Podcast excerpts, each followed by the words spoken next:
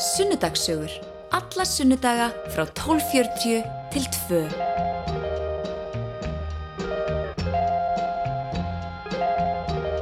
Góðan dag, það er Siggi Gunnar sem að stýrir sunnudagssögum að þessu sinni. Hér á eftir ætla ég að taka móti góðum gesti sem hefur gert margt í lífinu. Hann hefur verið skiptinni með hinum megin á nettunum, aðstofamaður á þeirra og reykið kaffihús, svo eitthvað sem nefnt. En stærsta og mikilvægasta verkefni hans í lífinu var á nefa að verða pappi, fósturpappi, en hann og eiginmaður hans tóku barn í fóstur fyrir nokkur árum. Við ætlum að heyra söguna um það hvernig það gerast fósturforeldri, möguleika fólks í samkynja samböndum að verða foreldrar og heyra svo líka fjölbreyttu lífi viðmennaldar míns í sunnudagsögum í dag, Unnsteins Jóhanssonar. Hann er að koma sér hér fyrir og við bjóðum hann velkomin í kjölfarið á Helga Björns sem ætlar að fara með okkur frá Mývatni til Kópaskers.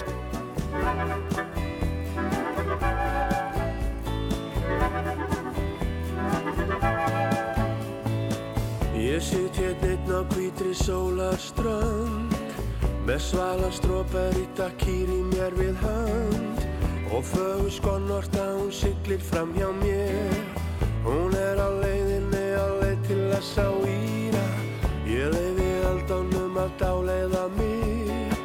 Og síðan dorma ég við miðjarðarnir Í gegnum auklokkin ég greini bara liti. Nú blikka ljós er þetta bensinstöðn á luti Ég fer á landrófur fram í vatni á kópaskinn. Þó minn hugur sé í nættulest til Marrakes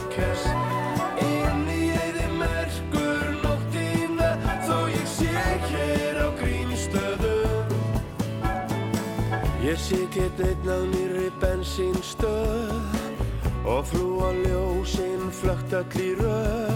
Tíu tonna trukkur spýta restur fram hjá mér Og drullan leggur niður bílrúðuna mína. Þá kvarlar hugurinn til Marokko Og hvað hún hét hertnum dilli dó. 717 kallar bólugrafin kokkur. Ætli hann sé núna búinn að kleima okkur Ég fer á landrófur fram í vatni á kópaskinn Þó minn hugur sé í nættulest til Marrakes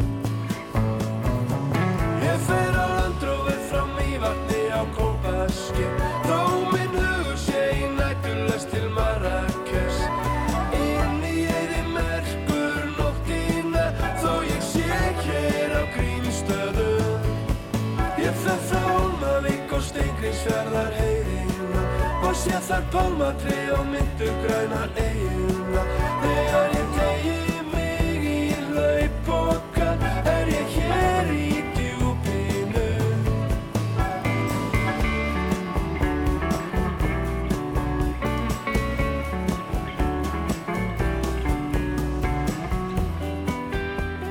Helgi Björnsson, ég fer á Landróver frá Mývatni á Kópasker í sunnudagsögum á Rástfö. En eins og ég sagði hér í uppafið þáttar heitir gestur minn í dag Unnsteinn Jóhansson sem að hefur gert margt í lífinu. Verið skiptinni með hinum einun hettunum, aðstofum á ráþurra og rekkið kaffihús, svo eitthvað sem nefnt. En stærst og mikilvægasta verkefni hans í lífinu var á nefa að verða pappi, fósturpappi, en hann og ein maður hans tóku barn í fóstur fyrir nokkurum árum. Og við ætlum að byrja á því að heyra þá sögu í sunnudagssögum í dag. Unnsteinn Jóhansson, velkomin í sunnudagssögur. Já, takk fyrir það.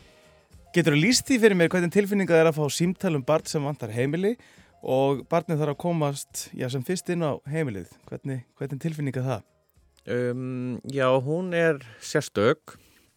Uh, Það um, bæði bræðum manni en samt ekki því að þetta er náttúrulega ferli sem við förum í gegnum, fóstufóreldrar og hérna svo ámaður bara alltaf vona á símtalinu.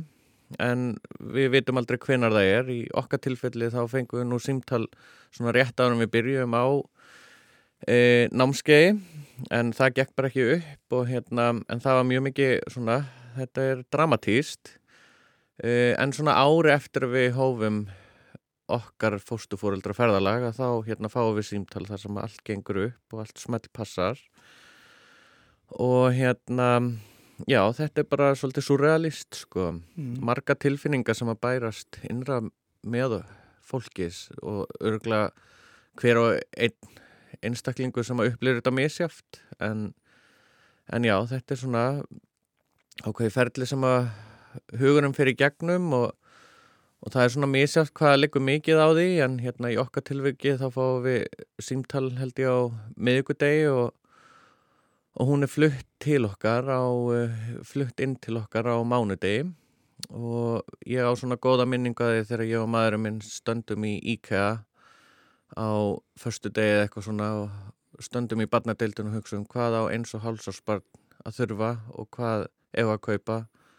Og svo bara horfum við á hvern annan og þvöguna sem var að lappa fram hjá okkur og við tókum nokkra smekk, já, smekka og svo glös og, og diska og svo löpum við út bara einhvern veginn, ekki alveg kannski með, með hérna headspace í þetta Spólum þá alveg núna tilbaka sem var sko að upphafinu þessu öllu saman að þú Mhm. uh, verður og þið fóstur foreldri uh, þú hefur lengi látið uh, málefni er varða ætliðingar samkynneira og, og svo þetta að taka börn í fóstur mm -hmm. að samkynneira tekja börn í fóstur þegar varða, af hverju?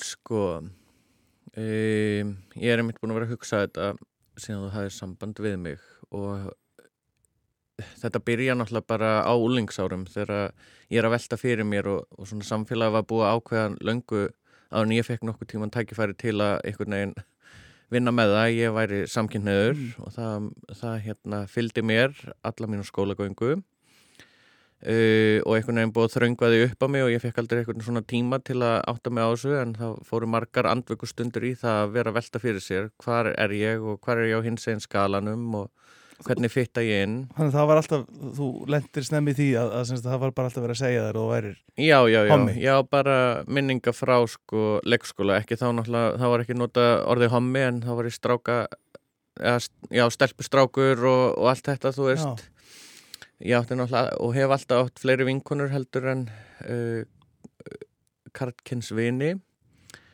Uh, og hérna hef svona meira verið kannski, já, var meira að leika með með dúkkur og einhvern veginn í, í því, í þeim pælingum og þannig að hérna, ég svona fittaði ekki alveg inn í þessa karlmennsku ímynd. Uh, þannig að þetta fylgdi mér alla tíð uh, og hefur gert, sko, en hérna Uh, já, þannig á úlingsárunum svona við kynþróskana þá fer, fer fólk náttúrulega að pæla í ymsu og ég náttúrulega, það voru ekki mikla fyrirmyndir 90 og eitthvað. Uh, hvorki í fjölmiðlum í sjónvarstáttum eða bókum eða annað. Uh, svona hinsegin fjölskyldu fyrirmyndir. Þannig að það sem að ég sá alltaf fyrir mér var bara, þú veist ég og ykkur eiginkona og og hús og hundur og batn og, og bíl einhvern Mhm. veginn og allt þetta bara. Farin í þetta sem að, kalla það normið já, þetta heteronormatífa bara uh, hlutverk og, og hérna handrit. Og það var náttúrulega verið að hrista í öllum stóðum í því og, og hérna þannig að já, frá úlingsárum hef ég alltaf verið að hugsa um barnignir Mm. og hérna hvort að mig langi að eignast börn eða ekki. Og ég, mér hefur alltaf gama, þótt gaman að vinna með börnum og úlingum og var í skátastarfi heil lengi og skátafóringi og eitthvað og hérna alltaf haft gaman af öllum frændsískinu mínum og, og slíkt. Þannig að hérna þetta hefur alltaf blunda með mér að verða fóreldri Og var þetta þá sjokk þegar þú kannski ert að, að sætta þig við það að þú ert samkynniður að, herði, já, ég er ekki að fara inn í þetta, þetta mótil, ég er ekki að fara stótna fjölskyldu. Já, absolutt sko þetta er kannski ekki sjokk en svona alls konar tilfinningar sem að fylgdu því og, og svo á einhverjum ákveðnum tímapunkti svona upp úr tvítu að þá hérna einhvern veginn þegar þegar maður er aðeins kannski búin að vera að lesa sér til og, og skoða þetta umhverfi að þá hérna við við homarnir erum það óhefnir að við deilum ekki leiði og hérna aðeins auðveldara fyrir þau sem eru að deila leiði í sambandi og jáfnvel tveimur eða eitthvað slíkt en, en þetta er flóknara fyrir okkur hérna homarna og við, ég allan og svona var eiginlega bara búin að gefa þetta upp á bátunum 25 ára að ég yrði hérna pappi og hugsaði freka bara með mér að ég yrði þá bara eitthvað svona gay uncle eða eða bara hammafrændin og, og það væri bara allt í lagi, það er mikið um börn í kringum mig og, og vini mínir eiga börn og, sem ég þykir mjög væntum og hérna er stuðforeldri slags guðforeldri hérna þeirra, eða sumra mhm. og svona, þannig að þetta bara en svo bara já, fóru við þessa leið, ég og maðurinn minn. Og nú er ég orðin pappi En sko ætliðingar er nú kannski það svona fyrsta sem manni er dættur í hug og það náttúrulega eru kannski komin tæpir tveir áratýr síðan að lög, semst það var löglegt að, að, að samkynniðir getur ætleitt mm. og, og umræðan náttúrulega þá fyrir, fyrir 15-20 árum síðan er að, að samkynniðir eigi ekkit með að vera foreldrar á þeim sem voru, voru gegn því að það myndi gerast og, og hvernig var svona að setja sig inn í það forma að verða, verða foreldri með, með þá orðræðu að samkynni er ekki að vera fóröldrar og Já, þú veist, sko ég hef náttúrulega frá því ég var mjög ungur hérna þá hef ég verið mjög sterk réttlætiskend innra með mér. Já. og hérna ég veit ekki um marga úrlinga sem að hérna komu heim úr skólanum og sleftu heimanámi hituðu sér pítsu í örbylgu og kveiktu svo alþingisrásun og voru að rýfast við alþingismenn og æpa á sjónvarpið. Hérna, þannig að ég hef alltaf brunni fyrir svona ákveðin málefni og mannréttindi, náttúruvernd og, og annars slíkt. Um, þannig að hérna og einmitt þegar ég er svona fikra mig út úr skapnum og komin aðeins í framhalskonu og svona þá er þá er hérna umræðan eitthvað svona óvægin. Uh, það er náttúrulega verið að ræða mikið hérna hjónabönd samkynja para líka og það fór ekki fram hjá mér eða öruglega nokkri mannesku hérna, þetta var bara mjög óvægin og hundleiðileg hérna, umræða. Og það er náttúrulega blandaðist inni líka þetta með að hérna, hins eginn fólk ætti nú alls ekki að vera fóreldrar og það var nú bara vittlesa og greiði börnin. Um, þannig að þú veist það, það er líka óþægilegt og þreytandi að að einhvern veginn sitja undir þessu sérstaklega á úlingsárum þegar þú ert að móta þig sem einstaklingur en, en ég hef sjaldan látið ykkur á mótbarur hérna íta mig tilbaka, það bara efli mig sko. Mm.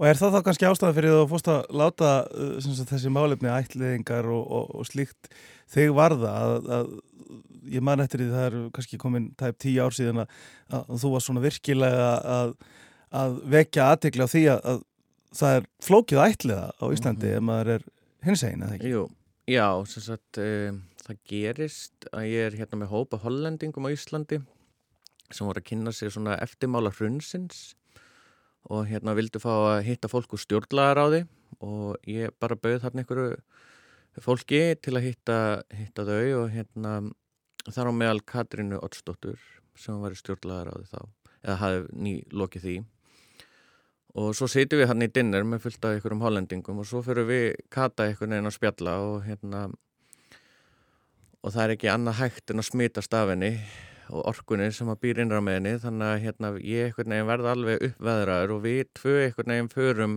á fullt og hérna að því að hérna þá var ég einhvern veginn svona velta þessum barnignum fyrir mér og hún hún og, og Kristín höfðu gengið í gegnum ímislegt og hérna, verið að vekja máls á þessu þannig að við Katrín vorum þarna einhvern veginn tvö og þannig einhvern veginn flækist ég líka inn í samtökjum 78 einhvern veginn og, og hérna, já, það er eiginlega það sem var svona ítið mér í áttina að fara einhvern veginn vókalt að hérna, tjá mig um þessi mál mm -hmm. Og sko, það er tvent ólíkt að sem sagt að ætleiða og taka barni í fóstur mm -hmm. Byrjum að þess á bara ætliðingu uh, sko, hver er staðan í dag ef maður er hinsegin uh, í samkynni sambandi og langar að fara út í ætliðingaferðli sem að fyrir er mjög stort og flókiferli Mhm. fyrir, fyrir fólk gagkinnið fólk já, eða já. í gagkinnið sambandi uh, hver er staðan á, á því? Sko, nú veit ég ekki nákvæmlega akkurat núna hver staðan er, ég hef Mm. aðeins dreym í uh, en sko eins og þetta, þegar þú varst já og eins og þetta er núna sko, Mm. þá auðvitað þú þarf þá að fara í gegnum þetta ferli og allt slíkt og svo þarf að senda inn þessa umsókn. Vandamáli sem að við vorum að rekast á er að við á Íslandi erum með hérna samninga við lönd sem að eru ekkert voðalega hins einn friendly. Og hérna það var kannski svona aðal hérna og er aðal hindrunin.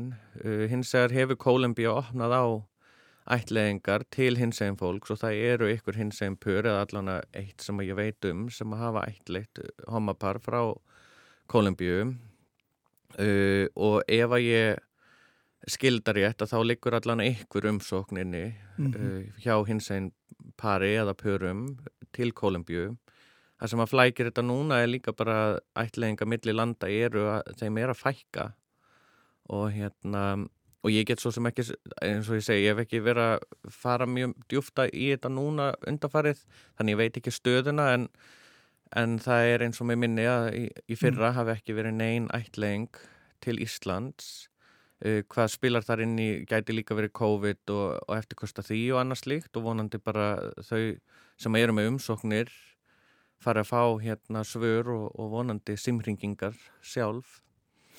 En sko, var það svona fyrsta skrefi sem þú hugsaðir að- fara út í, að það var að fara út í ætliðingu? Mm. Það er eitthvað kannski líka, svo ég tala nú bara frá sjálfum mér, eitthvað sem, maður svona hafði heyrt meira um Jú, orðið ætliðing og, og það hugtak. Jú, ég held að það sé svona kannski gótuið fyrir hins eginn fólk sem þarf að hugsa í skapandi lausnum að því að það er svona kannski það sem er þekktast ætling uh, en þú veist, ég var nú alveg búin að vera í samtölum og sérstaklega hérna í samtali við eina góða vinkonu mína hérna og, og það, við vorum svona, já á fyrstu árum tvítugsaldurs að hérna að velta ég fyrir okkur hvort að hún myndi ekki bara ganga með badd fyrir mig og eitthvað svona og Mm. og hérna, þú veist, það voru svona og það eru ýmsa leiðir, þú veist, það eru fleiri leiðir heldur en ætlengin það hins eginn fólk er mjög duglegt að fara út fyrir ramman og finna nýja leiðir til að vera með fjölbreytt hérna, fjölskylduform og það er hérna Já, jafnvel vinir að eignast batt saman. akkurat, vinir að eignar spött saman eða ykkur slíka leiðir og svo er það hérna, þá fósturkerfi líka Mm. Hvernig, hver er þín leið og, og, og þín og mannsinsins inn í, í fósturkerfið? Já, við hérna við fórum að spá í þetta eitthvað svona aktíft held ég 2015 minni mig. Og hérna fórum svona aðeins að undibúa e, fóstuforeldra sem sagt umsókn. Eftir að hafa svona aðeins rætt um þetta í, eitthvað tíma og svona þú veist það skadar allan ekki að sækja um sko. E, töldu, eða svona við, það var okkar svona lína allana svo hérna settu við það svolítið on hold. Ég fór bara í mjög krefjandi vinnu og það var bara svona mikið að gera hjá okkur og og við vonum bara einhvern veginn að njóta lífsins og það var bara ótrúlega fínt að vera bara tveir hérna fullorðnir karlmenn á, bara í góðum vinnum og einhvern veginn þú veist, þetta lífið var bara mjög næs. Og þannig að hérna við vorum svona kannski hérna endilega tilbúinir í að bæta hérna næsta einstakling inn í hérna fjölskyldun okkar. En eh, eða barni því að það er mikil ábyrð og hérna lífið breytist mjög mikið. En já, svo hérna fyrir tilviljun hefur kunningakona mín samband við, við mig á Facebook og er eitthvað að spyrja hvort að við hefðum eitthvað tíðan klára námskeið og hvort við værum konar á lista og það, þá var hérna eitthvað svona barn sem hún var að hugsa til sem að e, vandaði aðstöð og annað slíkt og hvort að við værum þá hugsanlega stuðningsfóreldrar eða eitthvað slíkt. En, en við vorum ekki sem sagt hefðum ekki klárað þetta. Og þetta er held ég 2018 og við förum þá bara fullt. Við einhvern veginn fórum að ræða þetta aftur og hérna ákvaðum bara að slá til og, og hérna fara í þetta ferli. Og það sem ég segi við fólk að þegar við höfum nú tekið nokkur hérna matabóð þar sem við höfum verið að útskýra fyrir vinum okkar hvernig þetta virkar og, og hvað það er að hérna það, það skadar allavega ekki að hérna fara í gegnum þetta ferli og það eiginlega hjálpa bara stundum þetta er náttúrulega mjög djúb vinna sem að fer fram. Fyrst þarf að skila ákveðum pappirum og, og, og slíkt og svo sækir maður um og það er svona ákveði ferli sem maður fer í gang þá og svo situr maður svona námskeið hjá uh, barnavend eða hérna ætlaði sér ekki barn- og fjölskyldustofu uh, þar sem að þú situr námskeið og, og einstaklingurinn eða, eða pörinn, hjóninn er að fara í gegnum það ákveðna vinnu. Þú þarfst að skila inn hérna einhverju vinnubók sem eru ég man nú ekki hvað voru margar blæsur en þetta, og hver og einn þarf að skila þessu inn fyrir sig sko, en þetta er líka tækifæri til að kynnast og spá í bara hvernig fóreldri vill ég verða og, og hvað hérna í hvað aðstæðum álst ég upp í og, og svona alls konar, hvernig var uppeldi mitt og hvernig vil ég að uppeldi barnana minna verði og eitthvað slíkt og svo á námskinn líka er náttúrulega bara að fara í gegnum alla flækjurnar og, og bara tengslinn og hvernig að það er að vera fóstufórildri þannig að þetta er alveg ágættur undirbúningur þótt að það sé aldrei hægt að undirbúa fólk algjörlega. Hvað tekur svona ferðli langan tíma? Hjá okkur þá erum við að sækja um hvað, hann að í sumari 2018 og við erum kominir með barn í hönduna sumari 2019 þannig að mm. það var nú bara ár hjá okkur en, en já, það fyrir bara svona aðeins eftir því hvað námskeiðin eru ört og eitthvað slíkt sko. Mm það er mikil sjálfsfinna í þessu sem sagt það er að kynast sjálfum sér betur eða hvað? Já, ég hef reyndar alltaf valið mér ykkur nám eða ykkur að leiði þar sem ég er alltaf í ykkur sjálfsvinnu eða skoðun þannig að fyrir mér var þetta ekki mjög flókið að maðurinn minn var meira að ströggla með þetta hérna, en við bara töluðum okkur saman í gegnum þetta og þetta var bara mjög merkilegt og, og gaman líka bara að spjalla um svörum við þessum spurningunum og annað slíkt sko. Mm. þannig að jú, þetta er líka, þú ert svolítið að horfa inn á við og hérna og svo ferðu, þeir eru búin að ljúka þessu öllu og, og hérna ef að, ef að hérna parið að einstaklingunum fá grænljós að þá er maður koðin á eitthvað lista en, en það þýðir ekki endilega maður þurfu alltaf að segja já þegar kalli kemur eða, og það þýðir ekki heldur að maður þurfu að vera á listanum að eilifu eða neitt slíkt aðstæðu breytast og hérna fólk færa ráða þessu algjörlega sjálft og þú færð ekki á neitt svartanlista sko. Þannig það er engin, engin skuldbinding að fara af stað í, í þessa vinnu? Ekki eins og ég skilða allavega, mm. nei. Menn sko, eða fólk kannski fyrir að ræða batnignir og það fyrir að reyna að eignast börn og svo verður kannski fólk ólétt og, og þá eru nýju mánuður sem að fer í meðgöngu og svo leiðis Eh, þetta ferli er, er ekki svo aðeins öðruvísi þegar að uh, maður fær símtal uh, um að er, það er ekki nýjum ánað meðganga þó að ferli náttúrulega sé kannski upp undir ári í, námskeiði. Já, akkurat.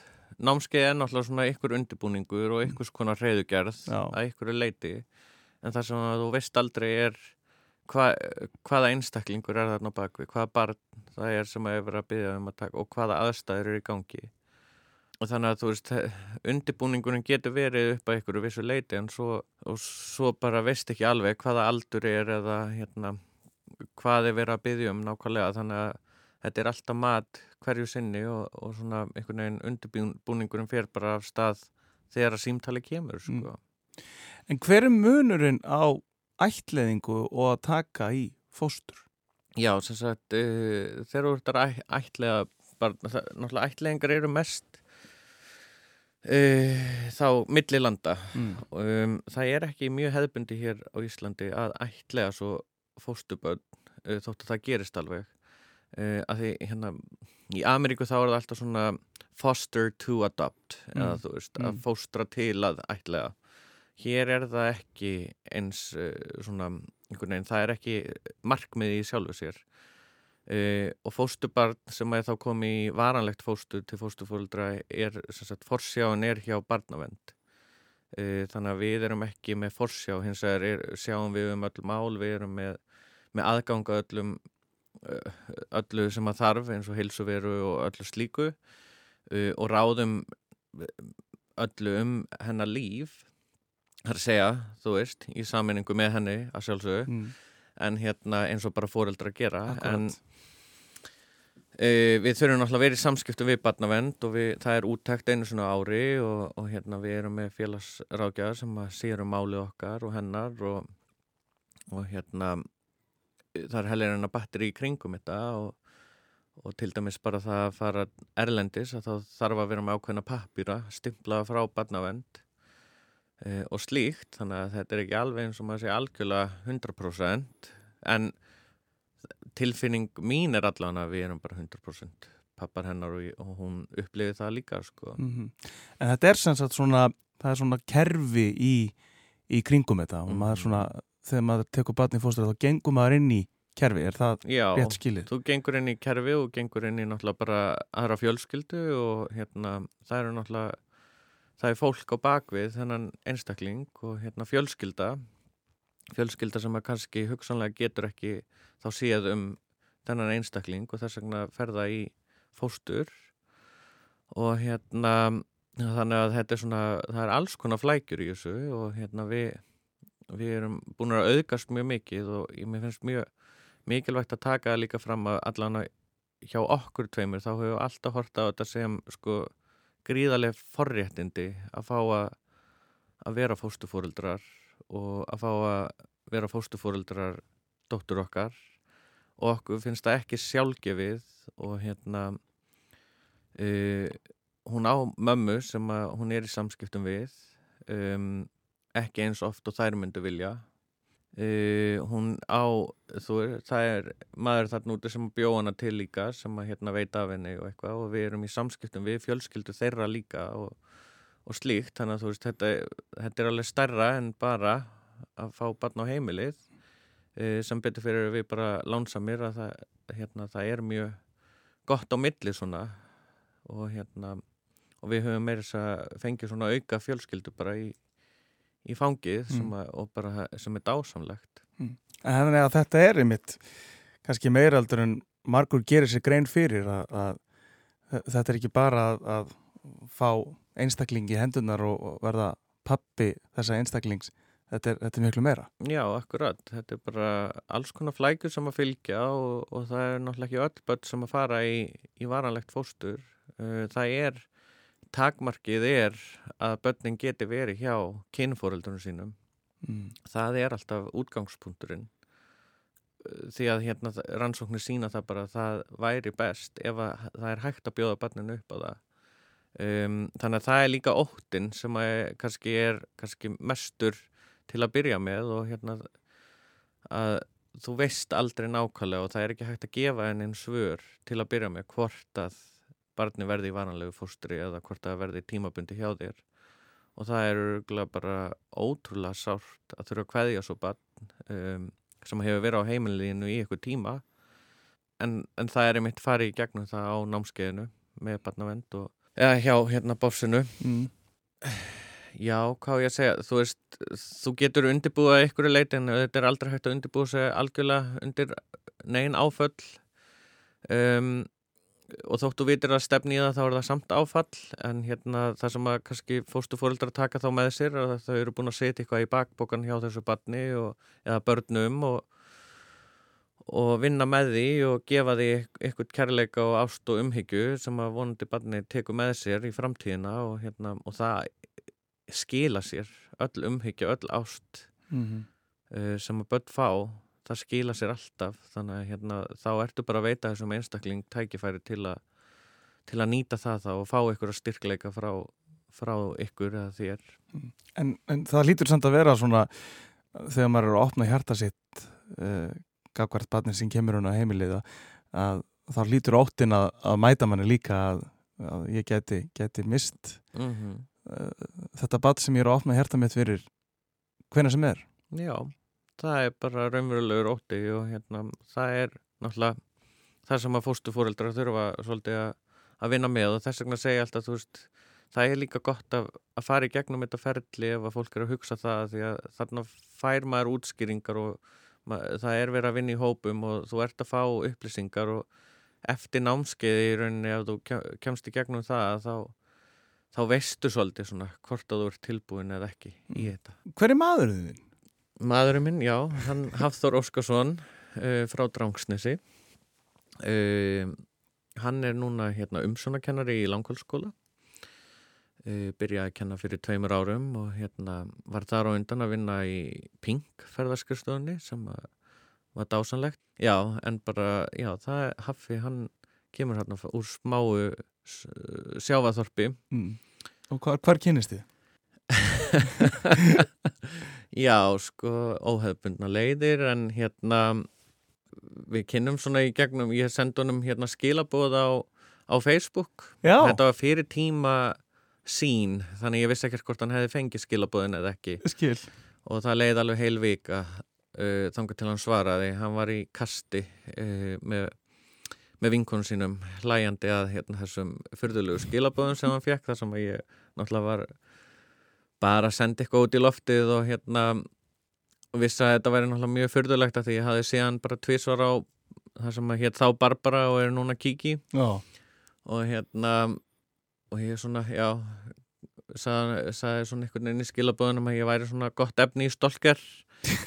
Og hérna en hann var nú samt tilbúin í að hitta mig og við fórum á, á stefnum át á kofa Tómasa frænda og, og já, það bara allt small og, og hér eru við uh, 13 árum setna búin að gifta ykkur og, og orðnir, orðin fóreldrar. já, akkurat. Já, sko hvernig hefur þetta verið uh, að vera, að vera orðin pappi og hvernig hefur þetta ferli verið fyrir ykkur núna eftir að, að uh, þessu laug, uh, hérna sem sagt aðdraðandunum, þið, þið fáið dóttur ykkur á heimilið, hvernig, hvernig hefur þetta verið, hvernig er að vera pappi? Ég, það er bara geggju tilfinning.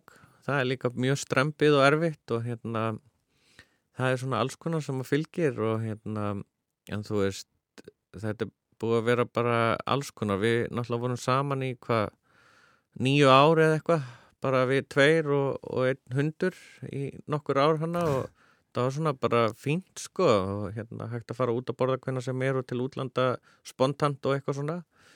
Uh, og svo kemur eitt líti kríli hún var eins og háls þegar hún kemur til okkar og hérna þá breytist allt það breytist bara allt hver, og hérna nú er bara fyrst og fremst okkar hlutverk að sjá til þess að að henni líði sem best og hún vaksi og dafni og hérna fóstra hennar styrkleika og, og hérna og kominni uh, til fullóninsárana uh, sem sterkum og heilstæðum einstakling. Þannig að það snýst ekki lengur bara um okkur tvo hérna homma í, í Vesturbænum. Nú erum við konir í laugadalinn í fjölskyldukverfi og svona. Þannig að þetta er svona aðeins búið að breytast aðeins búin að fjallega stjammið og, og hérna meira kannski að vakna á mótan og fara í, á einhverjar æfingar eða eitthvað slíkt sko. Mm. reyndar eru svo hefnir hún hún er mest að dansa og það er hérna æfingarnar eru nú bara setni parta á, á Já. virkundum þannig að við erum ekki ennþá komnir en við, maður ma vaknar samt já, við, já, ég man ekki alveg eftir já, langt síðan að við kannski sváfum út öll þrjú Já. saman Já. en, en sko hinseginleikin í þessu sko viðbráð samfélagsins uh, fyrir hana eiga tvo pappa uh, og bara svona já, hvernig er að vera tveir pappar með barn fá allir að vera í friði Já, já, já, já, sko, góð spurning. Uh, við höfum allan ekki tekið eftir miklum hindrunum uh, eða, eða einhvern veginn að samfélagi sé ekki bara opið gagvart okkur og okkar fjölskyldu formi. Uh, þetta, þú veist, hún- er að klára núna hérna leikskóla og er að fara í skóli í, í haust og hérna það er náttúrulega alls konar vangaveltu bara á leikskólanum og krakkarnir bara að spá í fjölskylduformi og eitthvað slíkt en náttúrulega það eru til svo fjölbreytt fjölskylduform núna hérna, það, það er ekkert einhvern veginn abnormal og hún eigi tvo pappa og eina mömmu og, og, og skriljón ömmur og afa og eitthvað Já. þannig að þú veist, það er bara mjög sjálfgefið eiginlega núna.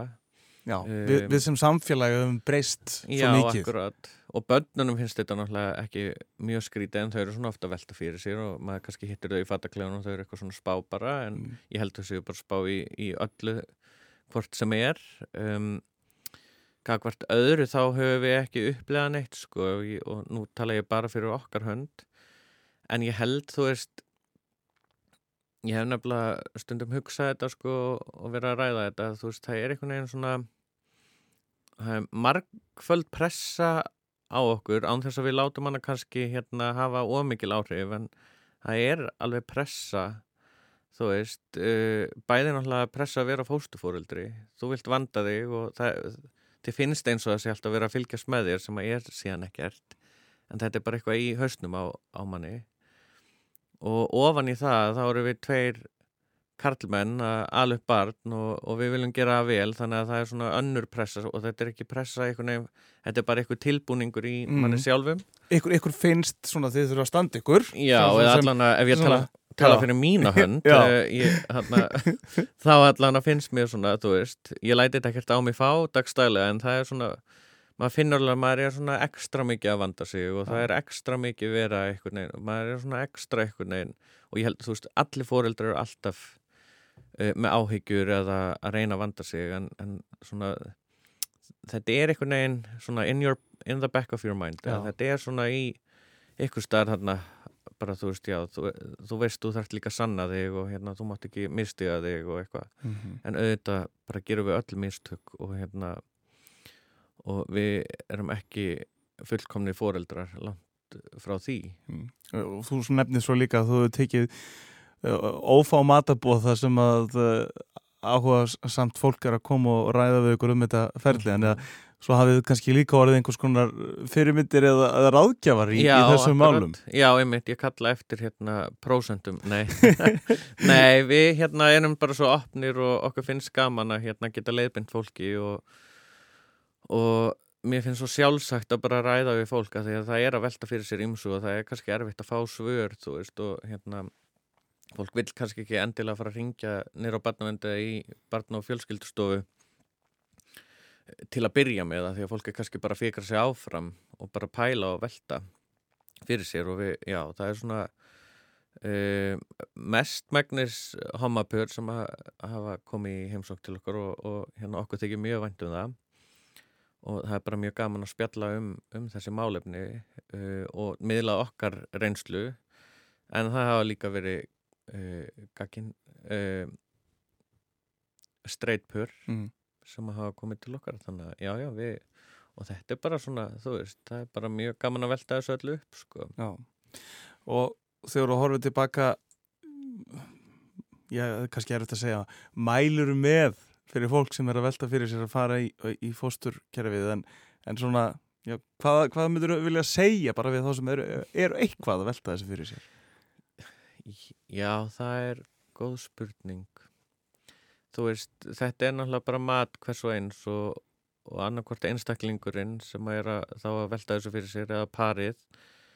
Þetta er náttúrulega bara einhver samræður sem að fólk þarf að eiga og það þarf náttúrulega að velta þessu fyrir sér og, uh, en ég held að aðalega sko, það er eitthvað svona eitthvað mynd þarna úti að því að þetta sé eitthvað neginn eins og í bíómyndunum og það er hérna mikið drama sem að fylgja þessu og, og það, jú, jú, það er eitthvað ólgu sjór en, en hérna ég held að hérna það sé meira gert úr dramanu heldur en öllu sem að gengur vel og við fáum kannski ekki jafn oft sögurnar af því sem að gengur bara e, bærilega og hérna eða bara, jafnvel, bara mjög vel. Þannig að hérna eins og ég s- sagði áðan, þú veist, ég held þetta sé bara mjög gott tækifæri líka bara til að einmitt taka púlsinn og, og hérna f- fara í gegnum þetta ferli og þá kannski vita einstaklingarnir líka þá bara hvort þau séu tilbúin í að verða fóreldrar eða ekki, hvort þeim langi í þetta hlutverk. Og hérna það er hægt að lifa alveg bara frábæru lífi á þess að hérna, verða fóreldri uh, og það er kannski mikil pressa, samfélagsleg pressa en ég vonum sig að minka að hérna, öll verði að verða fóreldrar en það er auðvitað ekkert þannig. Um, en þú veist fyrir, fyrir mig og, og ég held ég tala nú alveg fyrir manni minn líka að þetta hefur gefið okkur svo mikið og hérna bæði lærdómur og við erum alltaf að læra eitthvað nýtt og Uh, ég er alltaf að tilenga mig meir og meiri þólimæði uh, sem ég á ekki mikið afstundum og hef ekki hef ekki átt, þannig að ég er alltaf að læra það og hérna og hún er að kenna okkur svo margt. Og svo bara þú veist einhvern veginn þessi litlu móment einhvern veginn í hverstagslífinu er, bara, eru svo einhvern veginn dásamleg að þau dramað gleymist mjög fljótt sko, ef það er eitthvað Það er Siggi Gunnar sem að stýrir sunnundarsögum að þessu sinni og gesturinn minn er Unnsteinn Jóhansson sem að hefur núna síðustu mínútur verið að segja okkur frá reynslu sinni af því að verða fósturforeldri. Við ætlum að halda áfram að ræða við Unnstein hér eftir smá að heyra þá af mjög fjölbreyttum atvinnuferli Unnsteins, já og námsferli líka. Little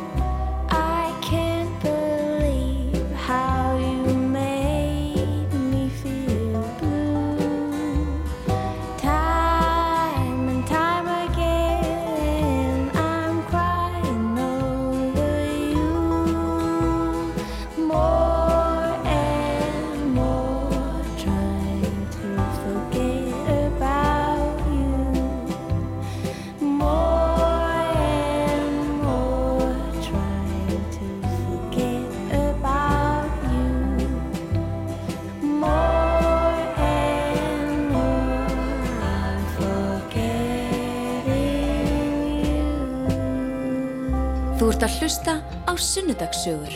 Alla sunnudaga klukkan 12.40 á Rástfö. Og það er Siggi Gunnar sem að stýrir þættinum í dag.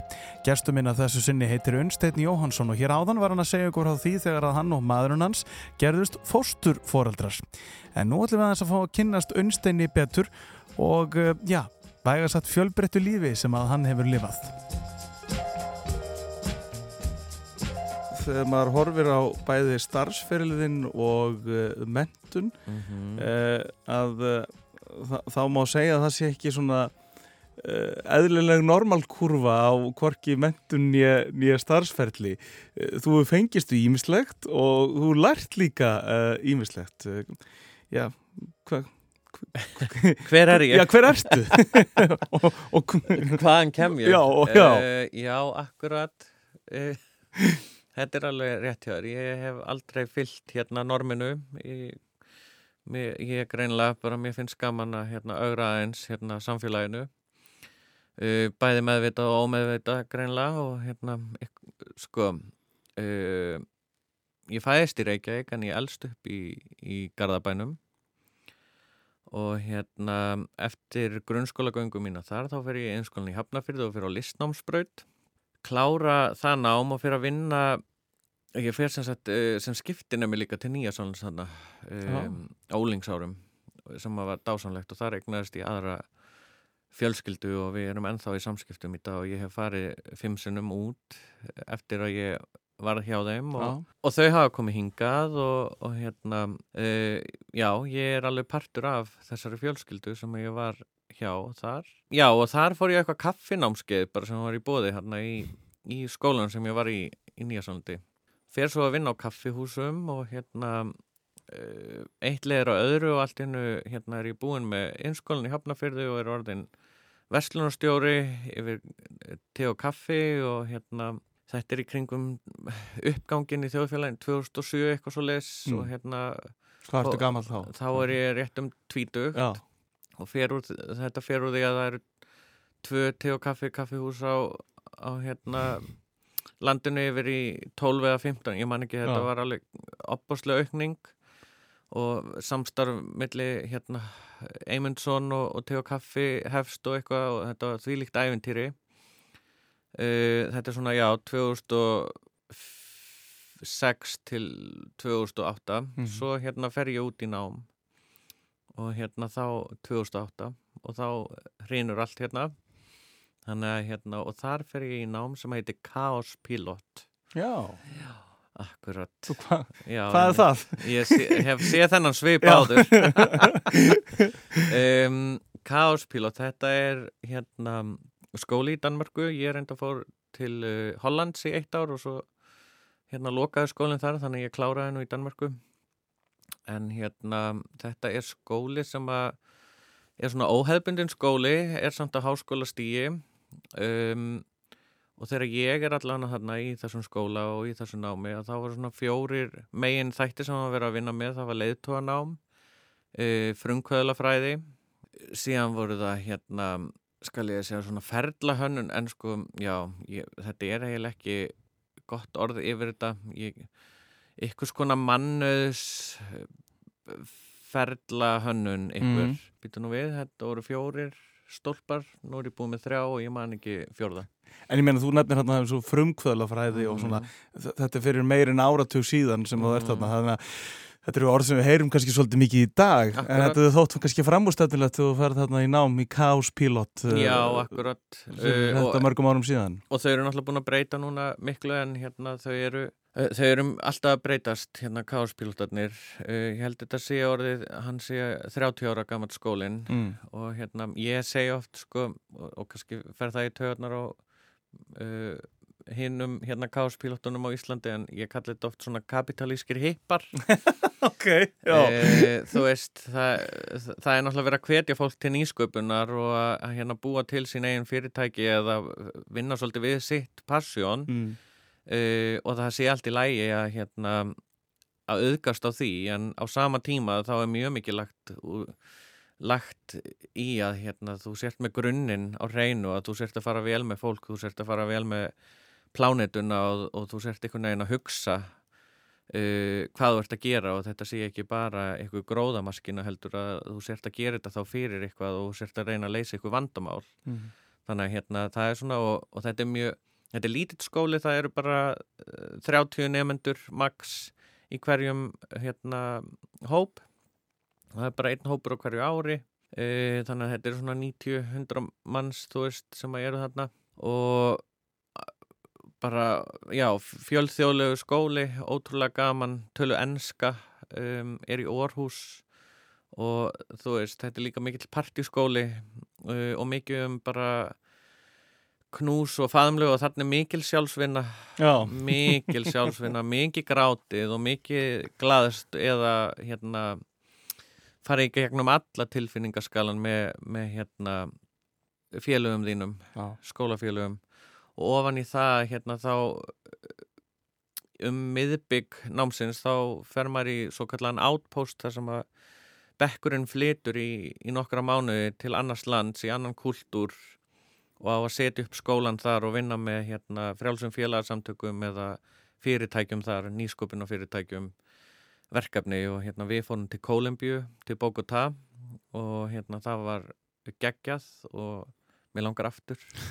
Uh, þetta er bara já, þvílík lífsreynsla. Já, þannig að já, þetta er svona, það er alls konar já. Og hvað gerir maður svo þegar maður útskrifast sem Chaos Pilot? já, ég bjóð mig bara til verkefni sko, Já. og tilvinnu eiginlega og hérna uh, náttúrulega hef starfa eða verið í skátarhefingunni í mörg ár og vildi svo heppilega til að hérna, það voru að verða 100 ár síðan að skátarhefingin var stofnið hérna á Íslandi og þegar ég er að útskrifast og, og hérna var þess að verkefnastjóri um, hjá skátarhefingunni og held utanum það sem við köllum fríðaþing og sem var haldið 2012 og við leiðum undir það nánast alla hörpuna.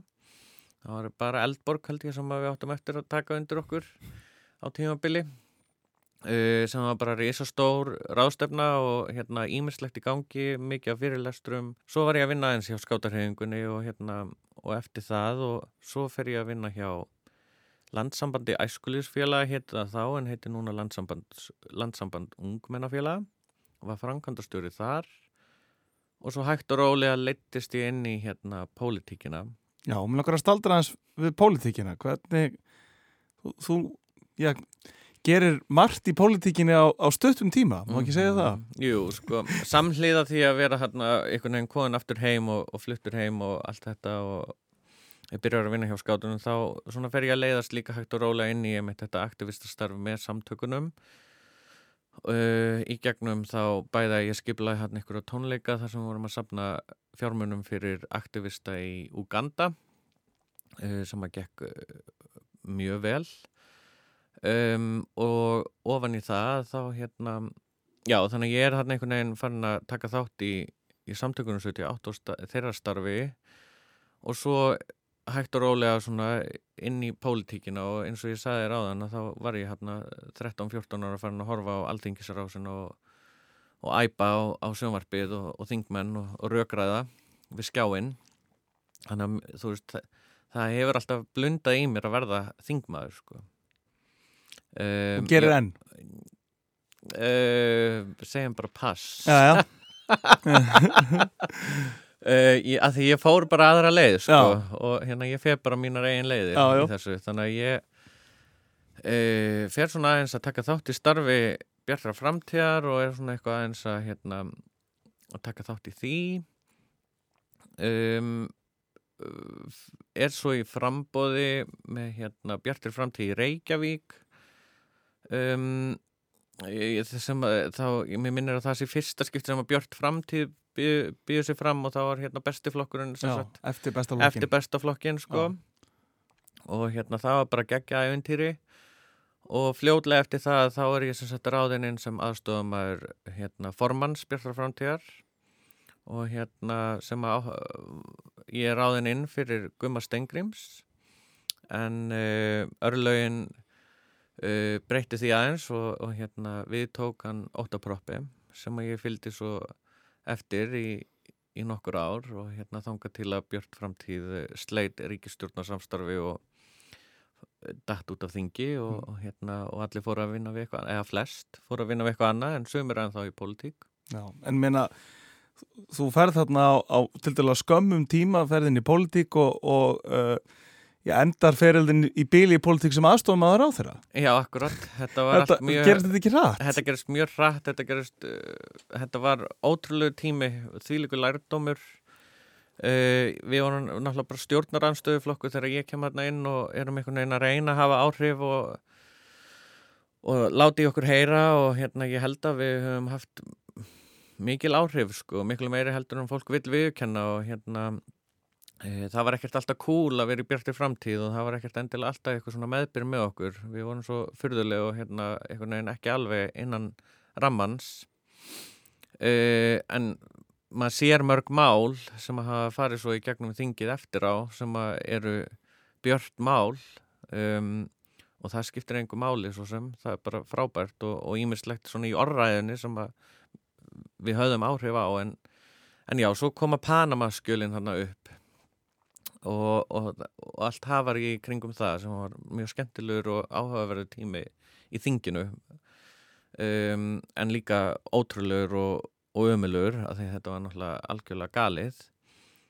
Um, og þá er blásið til kostninga og, við tekur þarna að mér minnir tíu vikna uh, bara viðræður Mhm. og Björt framtíð var í öllum viðræðum þannig að það var mjög áhugavert að fara í gegnum það líka og áður en ég vissi að þá uh, erum við allt í unum koni í ríkistjórn og hérna óttar eh, verður heilbriðsar á þeirra og ég er svo lánsamur að hafa fengið að taka nýju mánuði hérna í heilbrísaraðanætinu. Já, stórt ráðanetti, stór málflokkur og þú aðstofum að þeir helbriðs á þeirra. Mm -hmm.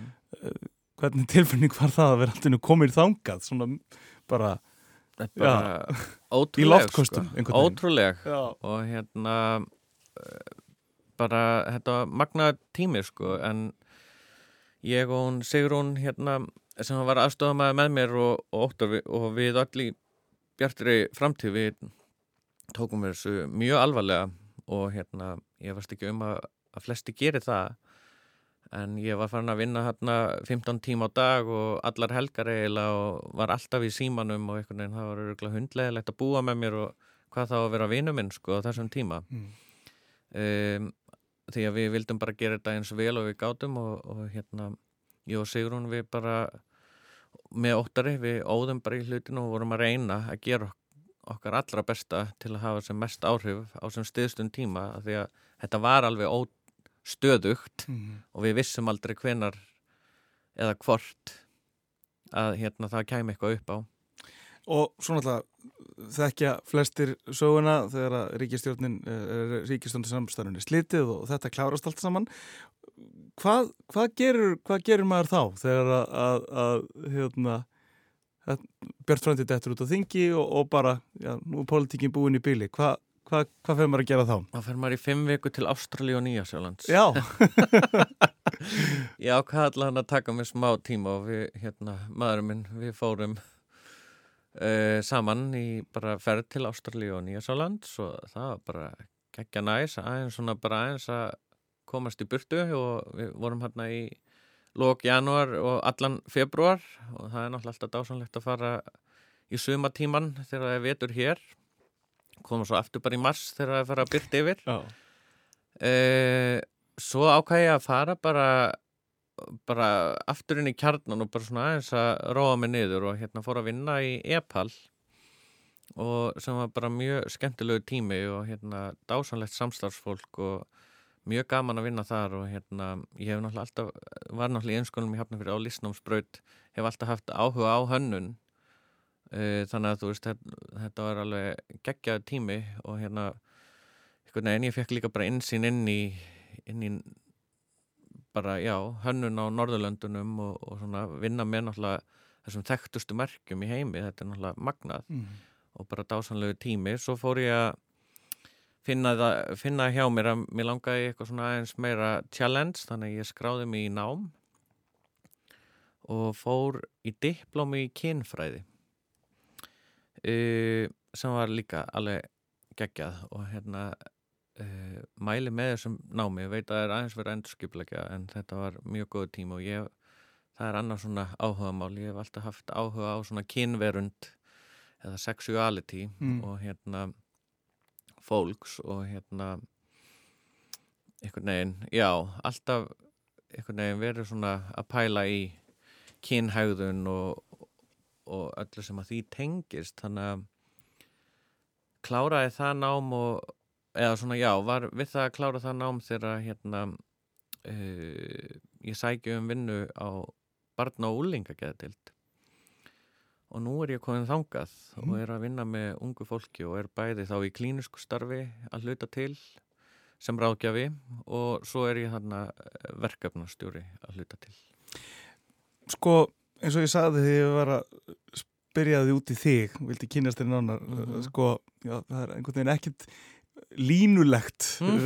við eh, bæði, bæði bara starfsferil og, og nám og annað og, og mörg upplifa það einhvern veginn að, að, að þurfa alltaf að vera svolítið línulegt í lífinu og starfsferillinum að fyrir að hamstra hjólið og, og svo leiðis það má orða það þannig að það hefur ekki kannski verið þannig hjá þér að, að þú ert búin að pröfa ímislegt uh, á alls konar störf og, og, og alls konar geira mm -hmm. uh, má ekki bara lífið vera svolítið þannig? Ég Hva- bara held ég gæti ekki funkar að öðruvísi, ég, Já. en ég veit að það eru önnur sem að skilja ekkert í þessu og hérna finnst ég algjörlega galinn að hérna, vita aldrei hvað ég ætla að gera næst og hvaða ævintýri tekur við og ég gleymi aldrei þegar ég hitti hérna æsku vinkonu mína sem að mikill uh, hérna fyrirluleikari Eva Þórunsdóttir uh, kynntumst sem sagt þegar ég er í í barnaskóla í Garðabænum og hérna svo flytti hún til Breitlands og fór að læra á fiðlu og þetta er hennar helsta starf og hennar helsta áhugamál og bara einhvern veginn, þetta er hennar líf.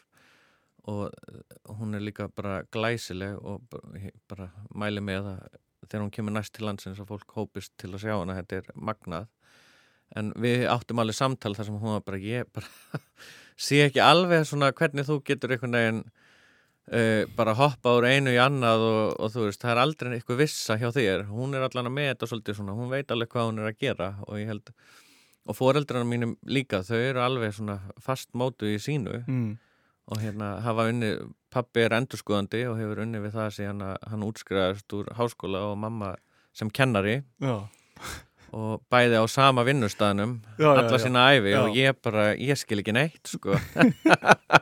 En þetta líka einhvern veginn að að- að að- hoppa til og frá í ábyrð, hoppa til og frá í launum, hoppa til og frá í, tí, í vinnutíma, þetta hoppa til og frá í, í bara öllu. Það er, akkurat og hvað, hvað viltu segja fólk sem er kannski að hlusta núna og segja, ó, hvað ég öfundan að hafa hugrekkið í þetta?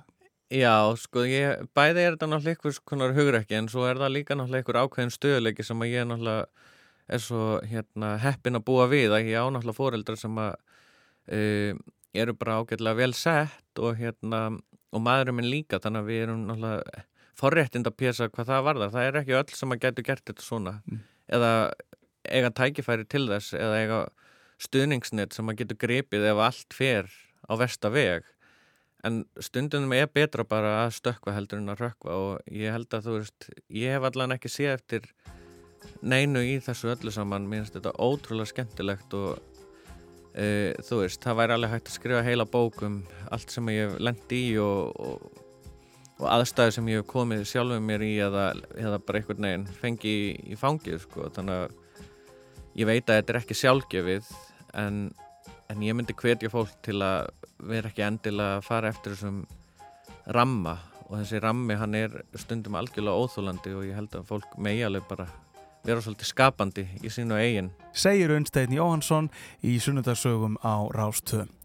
Takk hjá fyrir komina Unnsteinn og þakka þér kæri hlustandi fyrir að hlusta að þessu sinni. Ég heitir Siggi Gunnars og ég segi kossar og knús. This is the beginning. This is not the end. I wanna see it all. See it all. Thank you for allowing me to see you.